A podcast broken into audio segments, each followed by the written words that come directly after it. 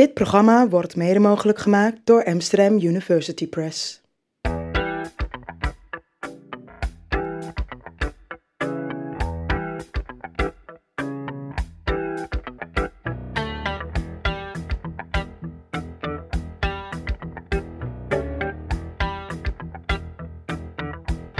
Vanuit Amsterdam is dit Onder Media Doctoren, de podcast waarin communicatiewetenschappers zich verwonderen over de media.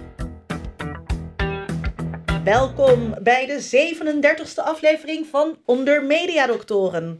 Vandaag verwonderen wij ons over broodje aap verhalen. Verhalen die mensen elkaar vertellen omdat ze het gehoord hebben van een kennis, van een kennis. Media spelen een belangrijke rol in het doorvertellen van zulke verhalen. En sociale media zijn natuurlijk de uitgelezen kanalen om die verhalen steeds maar weer te herhalen. Je zou ook denken dat die sociale media een goede plek zijn om dat soort verhalen te debunken. Hoog tijd dus om ons de vraag te stellen: waarom willen we zo graag in deze verhalen tuinen? De gast is Dr. Peter Burger, universitair docent journalistiek en media, nieuwe media moet ik zeggen, aan de Universiteit Leiden. En het brein achter de website Gestolen Grootmoeder, waar hij broodje aapverhalen bijhoudt. Ook in de studio mede mediadokter Dr. Vincent Kronen. Hoi. Laten we bij het begin beginnen, Peter. Wat zijn broodje aapverhalen? Nou, laat ik eerst even vertellen waar de naam vandaan komt, voordat ik het meteen eh, heel erg academisch ingewikkeld ga maken. Het, die naam komt van een boek, een eh, boek van de Amerikaans-Nederlandse schrijfster Ethel Portnoy. Dat was wereldwijd ook de eerste die dat soort verhalen ging verzamelen. En die heeft in 1978 het boek Broodje Aap gemaakt. En eh, op het omslag van dat boek zie je een, uh, een, ongeluk ergens in de Verenigde Staten. Een vrachtwagen is ergens tegenaan geknald, de deuren vliegen open. En wat hangt daar? Een dode aap. En die wagen die is onderweg naar een hamburgerfabriek. Dus het verhaal dat was in die hamburgers, daar douwen ze echt alles in wat ze kunnen krijgen. Uh, ook apenvlees, uh, vandaar broodje aap. Nou, associëren wij uh, het hele idee van viraliteit eigenlijk mm -hmm. met sociale media. Ja. dat zien we als, als iets van nu. Maar broodje aapverhalen zijn al veel ouder, ja. hebben we net vastgesteld. kan je iets vertellen over die viraliteit? Ja, het is op zich wel goed om even te memoreren. Het is vandaag de verjaardag van Twitter, hè? Zeker. Vandaag tien jaar Twitter. Ook, Tenzij je dit later terugluistert, dan ja. was het eerder. ja. Twee jaar bijvoorbeeld, twaalf jaar. Ja. ja. Hey, maar Twitter is een fantastisch medium ook voor de verspreiding van die broodje aapverhalen. Uh, maar ja, dat, dat idee van, van virale verhalen, bedoel, voordat het zo heette, uh, die viraliteit zelf, die is ouder. Je hebt zelfs onderzoeksprojecten van uh, Amerikaanse kranten in de 19e eeuw, waarin uh, wordt geprobeerd om echt met, met automatische middelen, gewoon met behulp van software, te achterhalen wat voor verhalen er voortdurend werden doorgegeven van de ene krant naar de andere. Daar komt van alles uit. Er komen bijvoorbeeld ook uh, gedichten uit, hè, want ze zoeken dan op, strings van woorden die telkens herhaald worden. Maar je kunt op die manier ook broodje aapverhalen eruit halen. En, uh, maar toen, kijk, nu gaat het heel snel uh, ja. op Twitter, kan zich heel erg snel verspreiden. Uh, maar hoe ging dat toen dan? Was dat alleen van mond op mond of ook inderdaad via de krant? Of? Nee, ook via de krant. bijvoorbeeld in de Verenigde Staten had je een systeem van uitwisseling tussen kranten. waarbij kranten als het ware verhalen ruilden met elkaar. Ja, er zitten ook dingen in, bijvoorbeeld iets wat ik laatst ontdekte. Um, verhaal over een handelsreiziger. dat is zo eind 19e eeuw. Uh, die man die komt in een onbekend dorp in een hotel en uh, hij leest nog wat voordat hij gaat slapen. Hij rookt een sigaar en de as van zijn sigaar valt naast zijn bed. En als hij dan naast dat bed kijkt, dan ziet hij nog net een hand verschijnen die die as uitdrukt en dan verdwijnt die hand weer. Hij doet dan net alsof hij nog even de gang op moet. Hij gaat dan gauw de mensen van het hotel waarschuwen. Die komen met z'n allen, die vinden onder zijn bed een moordenaar. Dat verhaal, dat werd ook telkens met andere namen op dezelfde manier verder verteld. Ja. Van de ene kant naar de andere. En, en hoe werd die moordenaar dan uh, gevonden? Uh, dus hij, hij, lag onder het bed. Het, uh, ja, het, is verder, het is een onlogisch verhaal ook. Later merken mensen dat ook al op. Want het is natuurlijk onzin dat als je iemand gaat vermoorden, dat je dan eerst de moeite neemt om die as uit te maken. Nou, ik las dat ergens dat hij brandweerman was. En ja, dat was, dat was, dat, dat was, zelfs, ja. was zelfs een, een waanzinnige verklaring dat het een soort reflex van hem was omdat die moordenaar brandweerman was. Dus hij zag brand ontstaan en hij maakte het meteen uit. Wat mij altijd opvalt is ja. dat als mensen dit soort broodjes aanverhalen, dan zeg je nou, ik heb op Twitter gelezen, maar het is altijd hè, iemand die bij jou op school zat en daar een nichtje van. Of het is Mhm. niet bij jou op, eh, hè, eh, het was altijd bij een aangetrouwde familie wat net genoeg, ver genoeg weg was Ja. om er niet onder te lijden. Waardoor het leuk was om te vertellen, Mhm. maar wel ver genoeg. Dus het is, is het ook nog een broodje aap als je het verhaal op internet zich verder verspreidt. Er moet toch altijd een soort Origine zijn. origine zijn waarin het als dichtbij wordt ervaren. Het, het, het- de examenvraag, Mhm. eh, de essayvraag, eh, wat is lef? Ja. iemand schrijft Ja. op, dit Ja. is lef. Heeft altijd Ja. plaatsgevonden op de naburige school. Ja. is Ja, mijn idee. Vertel eens ook ik op school zat. Ja. Ja. ja.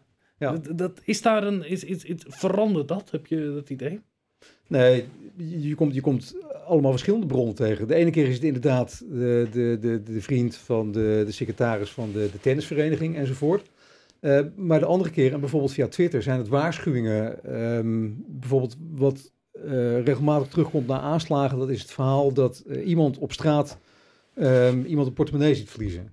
Eh, die loopt er achteraan, eh, geeft die portemonnee terug en degene die portemonnee verloren is, eh, die zegt eh, bedankt. eh, dan kan ik je iets, iets teruggeven in ruil. En die geeft dan een waarschuwing. Hè, blijf weg uit het stadscentrum van puntje, puntje, puntje. Londen, Birmingham, Parijs.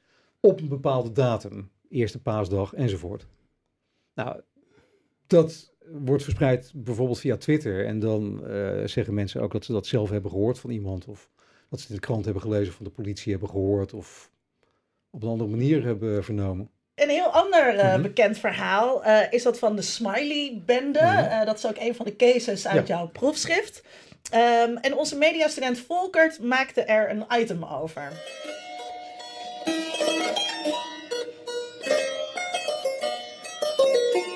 De Smiley-bende.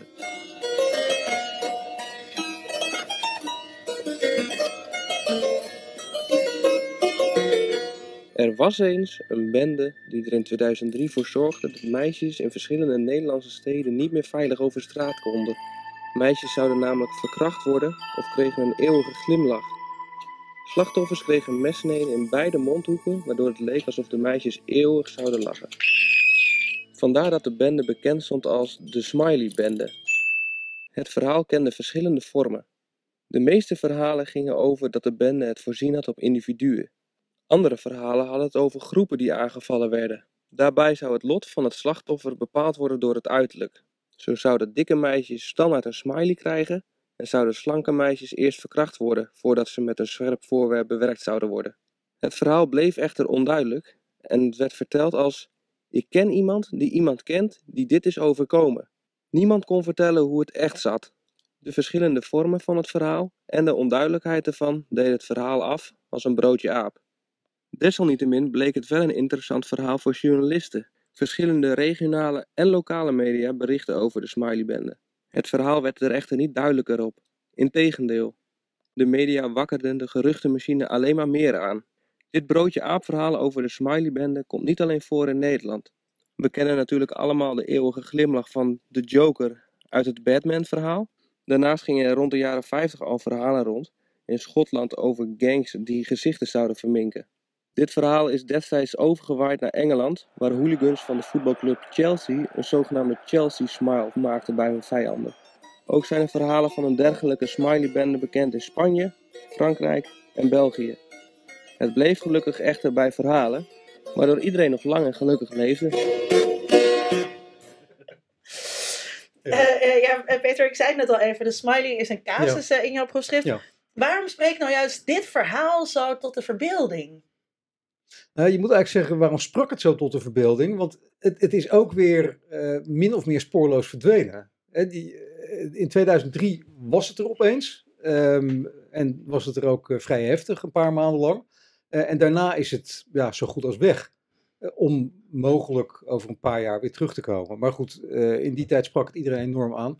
Ja, ik denk dat het verhaal echt ehm, eh, veel heeft om eh, doorverteld te worden natuurlijk de- ja, dat, dat gruwelijke element van die smiley, hè, die haal met een mes van, van oor tot oor. eh, dat het dan ook nog een soort van, van strikvraag is. Hè, want wil je verkracht worden of wil je een smiley? Nou, doe mij het smiley maar. En dan krijg je die, die messnee. Ehm, het, het ging over allerlei ehm, eh, zaken waar mensen zich destijds en nog steeds zorgen over maakten. De daders, dat waren allochtoon, dat waren aanvankelijk Antillianen, Marokkanen. Uiteindelijk gingen alle versies over Marokkanen. Ehm, ja, eh, het, het, had op dat moment alles. eh, maar het is ook, ja, het is denk ik verdwenen omdat het dood was gepraat. Iedereen die er mee te maken ja, zou kunnen hebben, die had het gehoord. Ehm, media hadden gezegd, het is niet waar. Politie had zich er tegenaan bemoeid. En dan is het, eh, is het klaar. Vincent, waarom denk jij dat het zo tot de verbeelding spreekt? Nou, het deed me denken aan, aan, aan, aan Dawkins, die ooit eind jaren 70, 78 de Selfish Gene schreef, waarin die het had over dat er ook in de cultuur bepaalde, nou ja, eh, mimesis, Mhm. bepaalde verhalen zijn, om het even te versimpelen, die steeds weer een beetje muteren en zich Mhm. aanpassen waar de behoefte aan is in een samenleving. Daar hebben we nu nog steeds de term meme eh, aan Mhm. overgehouden. En dit verhaal, ook zo'n smiley bende, die roept natuurlijk sterk heel erg over moraal gaat het over. Want het zijn natuurlijk stoute meisjes eh, die het overkomt, die eigenlijk daar niet hadden hoeven zijn. Net zoals wat je eerder vertelde over een stelletje wat ergens eh, aan het vrijen is in de Ja, auto op. Inspiration Point. Alles wat grensoverschrijdend is, moet daar dan ook een soort bestraffing op zitten. En eh, ja, die verhalen veranderen dan steeds een klein beetje. Eh, Dus, dus dit heeft inderdaad heel veel elementen in waardoor het ook leuk is om aan elkaar te vertellen. Om elkaar toch een beetje te straffen, een klein beetje in het gareel te houden misschien wel. Maar wat ook wel een- de kracht heeft van een goed verhaal bij het Mhm. kampvuur. Eh, in, in je proefschriften kijk je naar wat er nou Mhm. nodig is eigenlijk, naar, om zo'n verhaal geloofwaardig Ja. eh, eh, te maken. En je hebt het dan over de retorica van broodje aap verhalen. Kan je uitleggen wat je daarmee bedoelt? Ja. Wat ik heb gedaan, je kunt op allerlei verschillende manieren die verhalen analyseren. Een van de dingen waar ik naar heb gekeken, dat is wat, wat doen mensen nou die die verhalen vertellen om het geloofwaardig te maken.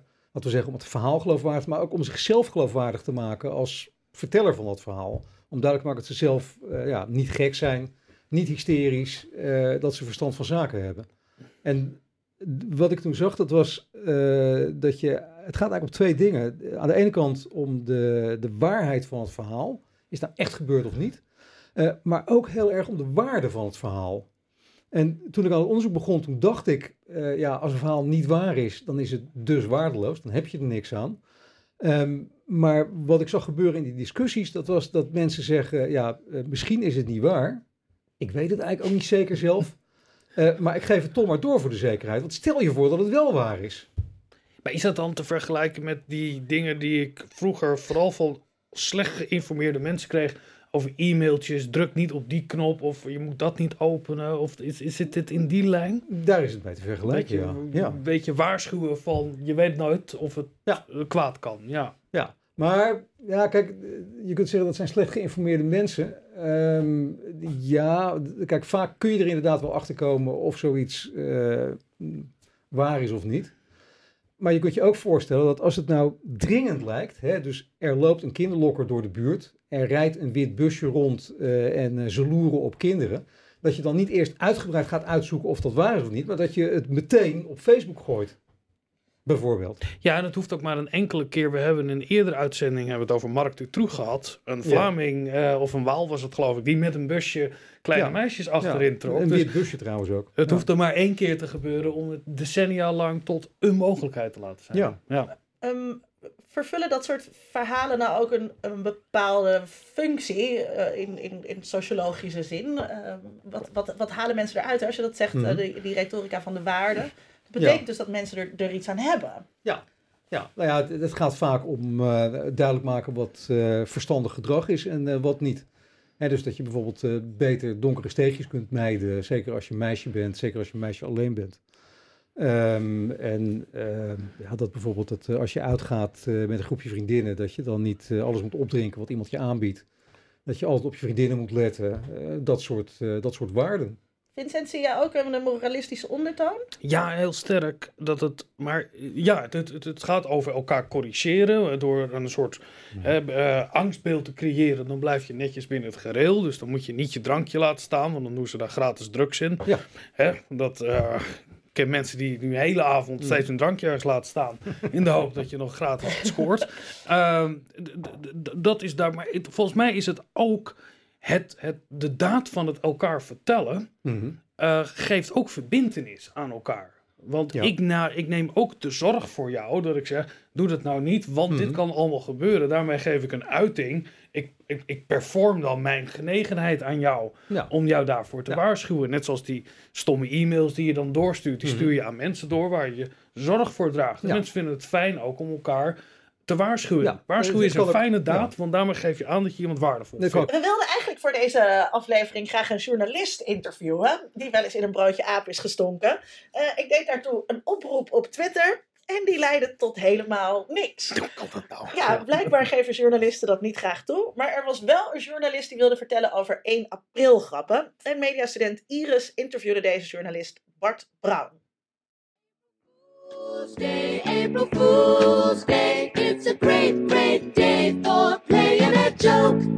Ik ben Bart Bruin, ik ben journalist. Ik schrijf vooral over wetenschap. Voor eh, de MARE, het Universiteitsblad van Leiden, voor Trouw, voor een aantal wetenschapsbladen, die niet al je luisteraars evenveel zullen zeggen. En eh, voor mijn eigen boeken. Ik heb twee boeken geschreven.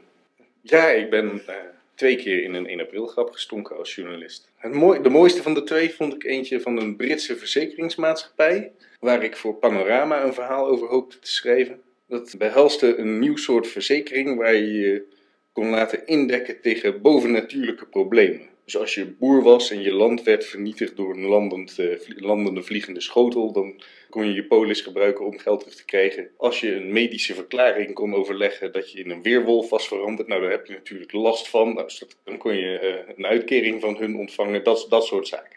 Nou, ik vond dat werkelijk een briljant businessplan.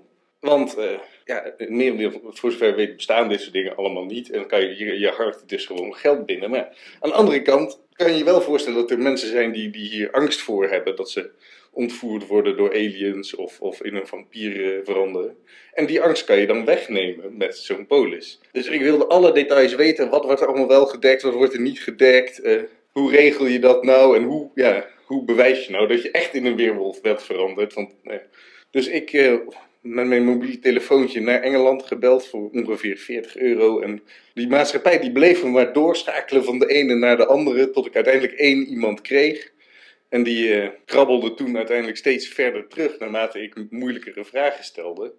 Om uiteindelijk toe te geven dat, ja, nee, we doen eigenlijk toch deze verzekering helemaal niet. Nou, toen begon mij langzaam iets te dagen. En het grote probleem was, het was toen al 4 april. Ik had dat persbericht helemaal niet eerder gezien. En toen had ik uiteindelijk dus ook geen verhaal om aan Panorama te verkopen. Ja, hij, hij heeft niet letterlijk tegen mij gezegd dat het een 1 april grap was. Maar na een half uur doorvragen en nog steeds geen concrete antwoorden, ja, werd het me wel echt duidelijk. Maar ja, toen had ik dus wel al heel veel kosten gemaakt die ik niet eh, kon declareren bij mijn opdrachtgever. En dat eh, deed toen ook nog echt pijn, want ik was toen net begonnen als journalist. De tweede keer was eh, hier bij Mare, de redactie van eh, de Universiteit Leiden. We kregen een persbericht dat de botanische tuinen van de Universiteit Leiden, de oudste van Nederland, dat die hun eigen wijn gingen uitbrengen. Kom ik, zoals de meeste mensen aan deze universiteit, kom ik daar best vaak, want het is het enige stukje groen in de Leidse binnenstad zo'n beetje. En ik had daar nooit een druivenstruik gezien, laat staan een complete wijngaard. Maar ik wilde wel alles weten over die wijn, dus ik had al een sommelier gecontacteerd of die dan wat verstandigs over die wijn kon zeggen. En een complete proefdranksessie met die sommelier en een studentenhuis en weet ik veel wat in gedachten. En ook hier hetzelfde verhaal. Ik, ik zag dat persbericht op 3 april of zo. We kwamen toen niet uit omdat het Pasen was geweest, dus ik was een weekje weg geweest. En ik belde ze op en ze waren echt stom verbaasd dat er toch nog een journalist iets mee wilde doen. Maar ja, toen was het al 1 april geweest en toen gaven ze het zelf meteen toe van ja, je verdoet je tijd. Het probleem is dat juist het soort dingen waar je intrapt zijn leuke verhalen die je niet wil missen. Als je als journalist zo'n mooi verhaal laat lopen omdat je denkt dat het een 1 april grap is, ben je nog veel slechter bezig. Dus ik bel alles dat ook maar enigszins plausibel ligt, bel ik achteraan. En heel soms zie je een 1 april grap die je wel als zodanig herkent en ga je meedoen. Als een paar jaar terug had iemand aan de universiteit hier van de, de plantenafdeling, die had een partij voor de planten opgericht. En die wou een plantwaardig bestaan voor alle planten in Nederland. En eh, daar, zijn we, daar hebben we toen heel veel aandacht aan besteed, alsof dat een serieus bericht was. In, om zo mee te doen aan de 1 april grap. I played a joke on you. Ja, super grappig. Ja. Ehm, Brown geeft aan dat het gaat om eh, ja, leuke verhalen Mhm. eigenlijk die je als journalist niet kunt laten lopen. Ja. Is dat nou ook de reden waarom journalisten broodje aap verhalen verslaan? Ik denk vaak wel. Ehm, de- veel van mijn materiaal vind ik bijvoorbeeld op de websites van eh, ad.nl en eh hetlaatste Eh, en dan vooral in de categorie bizar. Ja, dat zijn heel veel verhalen. Ehm, een hond met twee neuzen. ehm, allerlei verhalen ook die al eh, jarenlang over het web heen zwerven. En die toch nog leuk genoeg zijn om maar een keer te publiceren. Denk je dat ook, Vincent? Ja, nou, dit soort verhalen die hebben altijd heel veel details in zich, valt mij op. Hè, dus het is nooit, goh, eh, we gaan een lijn wijn verbouwen, maar dan moet het ook in de hortus zijn. Dan staat er een naam bij en dan Ja. geeft iemand een... En, en het is iets waar je van, wat niet, het moet natuurlijk nooit helemaal belachelijk zijn. Je moet iets zijn waar je nog Mhm. enigszins rekening mee hebt gehouden. En Ja. dat, dat is die overeenkomst tussen die 1 april in die, in die broodje, broodje aap verhalen. Eh, een mooi voorbeeld vind ik bij De Speld. Die eigenlijk de Ja. vorm, die op een hele traditionele manier schrijven. eh, op het tuttige af, beetje regionaal Ja. nieuws tuttig. eh, maar altijd weer dezelfde mensen blijven opvoeren, steeds wel als een nieuwe expert. Maar die hebben die vorm zo goed in de gaten dat het, daar mensen ook op reageren van dit is belachelijk. Ja. En, omdat het misschien ook wel, het voelt wel waar. Eh, moet de reden van het internettijdperk, hè, waar we Mhm. allerlei dingen kunnen checken, moet de moderniteit dit niet achterhalen? Nee, ik denk juist niet als je Nee. mij zou vragen. Want ik denk juist waar internet zo ontzettend goed in is, is dat we eh, dingen eh, een, een, een, een waarheid worden omdat het gedeeld wordt. En niet omdat het gecheckt wordt. Er wordt helemaal niet meer gecheckt omdat we internet hebben. Onzin. Eh, er zijn misschien meer mensen die in een latere fase gaan zeggen van waarom het onzin was. Maar het mooie van internet is dat je ook altijd weer, ook als je nu gaat zoeken, kom je op voorraad terecht waarin mensen zeggen dat het wel zo is Ja. dat die tekens kloppen. Dus je kan altijd medestanders vinden. Dus het idee dat het internet een prachtig medium is voor waarheidsvinding, nee, dat is het zeker niet. Peter? Ik denk dat internet wel een prachtig medium is voor waarheidsvinding, maar dat veel te weinig mensen er gebruik van maken. Maar ja, verder is het natuurlijk, het is een, het is een supermedium eh, en dus gebruiken we dat ook voor eh, ja, een van de oudste dingen waar we media voor, om elkaar verhalen te vertellen, om waarschuwingen door te geven, maar ook om, om sterke verhalen, persoonlijke belevenissen te vertellen. En, en, er is ja, een klein groepje mensen en eh, helaas ook niet alle journalisten die het ook al gebruiken voor waarheidsvinding. Maar ehm, eh, eh, worden sociale media niet ook ingezet om dit soort verhalen ook weer snel te ontkrachten? Eh, omdat jij bijvoorbeeld Ja. ook twittert en blogt? Dat, dat kan, maar ehm, ja, er is regelmatig onderzoek gedaan naar dat, dat debunken, of dat nou effect heeft of niet.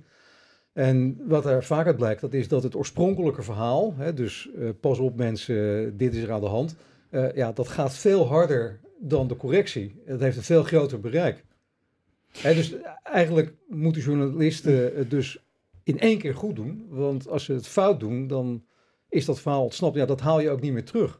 We hebben ons vandaag afgevraagd waarom we zo graag in die broodje aap verhalen stinken. Kunnen we kort samenvatten waarom dat is, Vincent?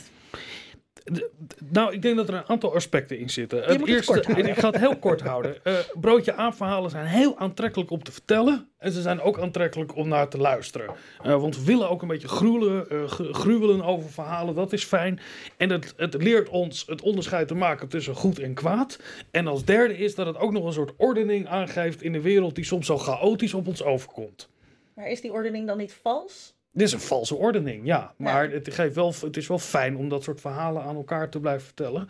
En er zit een intrinsieke kwaliteit aan bepaalde verhalen... die dus altijd wel weer terug zullen komen. Nooit op dezelfde manier, maar altijd met die aanpassing... die het weer relevant maakt voor deze tijd. En dan zijn er misschien straks geen Marokkanen... maar dan zijn het straks Syriërs eh, die eh, de Smiley-bende vormen. Of marsmannetjes? Peter, waarom stinken we er zo graag in? Omdat een van de beste manieren die we hebben om zin te geven aan ons leven en aan de wereld, dat is door er een verhaal van te maken. En broodje aapverhalen horen bij de beste verhalen die er zijn. Linda, waarom word jij nou zo bang voor die, eh, voor die eh, Batman in the House? Ja, omdat het, om, omdat het waar zou kunnen eh, zijn. Hè? Het zou je maar gebeuren. En, en dat is toch volgens mij die wat als. Hè, waar we het over gehad hadden, die waarschuwingen. Ja, stel Ja, je voor. Stel je voor, en dan is het toch beter als je gewaarschuwd bent dat je dus regelmatig naar je babysit kindertjes moet gaan kijken. Eh, want dat behoudt je ook voor allerlei ander kwaad natuurlijk. Hè? Dat, eh, dat als zo'n kind eh, misschien wel wie gedood heeft. Of weet ik veel wat er allemaal met kinderen kan gebeuren. Ik heb nooit meer opgepast na het zien van die film. Ehm, eh, eh, eh, eh, dat, ja, dat, het, die waarschuwing, ja, het kan toch nooit misschien geen kwaad. Maar met waarschuwing komt ook schuld. Als je een teken aan je huis Mhm. hebt en je hebt niet goed gekeken en er wordt ingebroken, dan is het jouw fout ook. Is Ja. dat het ook dat je, je, omdat je je schuldig ging voelen, je dan beter ging gedragen? Nee, want Nee? ik heb dus eigenlijk er nooit meer, nage of, eh, nooit meer opgepast. Eh, Peter, nog heel Mhm. kort. Denk je dat die schuld ertoe doet? Ja, eh, zorgen dat mensen zich schuldig voelen. Dat is een van de manieren om ze in het gareel te krijgen. Om duidelijk te maken, zo moet je je gedragen en zo niet. Ja, nou ja, eh, als u niet deze podcast gaat delen met andere mensen, dan zullen u slechte dingen gebeuren. We gaan Zeven even, generaties lang. Ja. we gaan nog even Ja, bedenken ja. wat dat is. U keek of luisterde naar Onder Media Doctoren. U kunt zich op deze podcast abonneren. In het archief vindt u 36 prachtige afleveringen. Dat kan ook via iTunes. Kijk daarvoor op ondermediadoktoren.nl. Ik dank onze vrijwilligers. Ik dank Vincent Kronen en vooral onze gast Peter Burger. Graag tot een volgende keer. Onder Mediadoktoren is een podcast van Vincent Kronen en Linda Duits. Meer informatie vindt u op ondermediadoktoren.nl.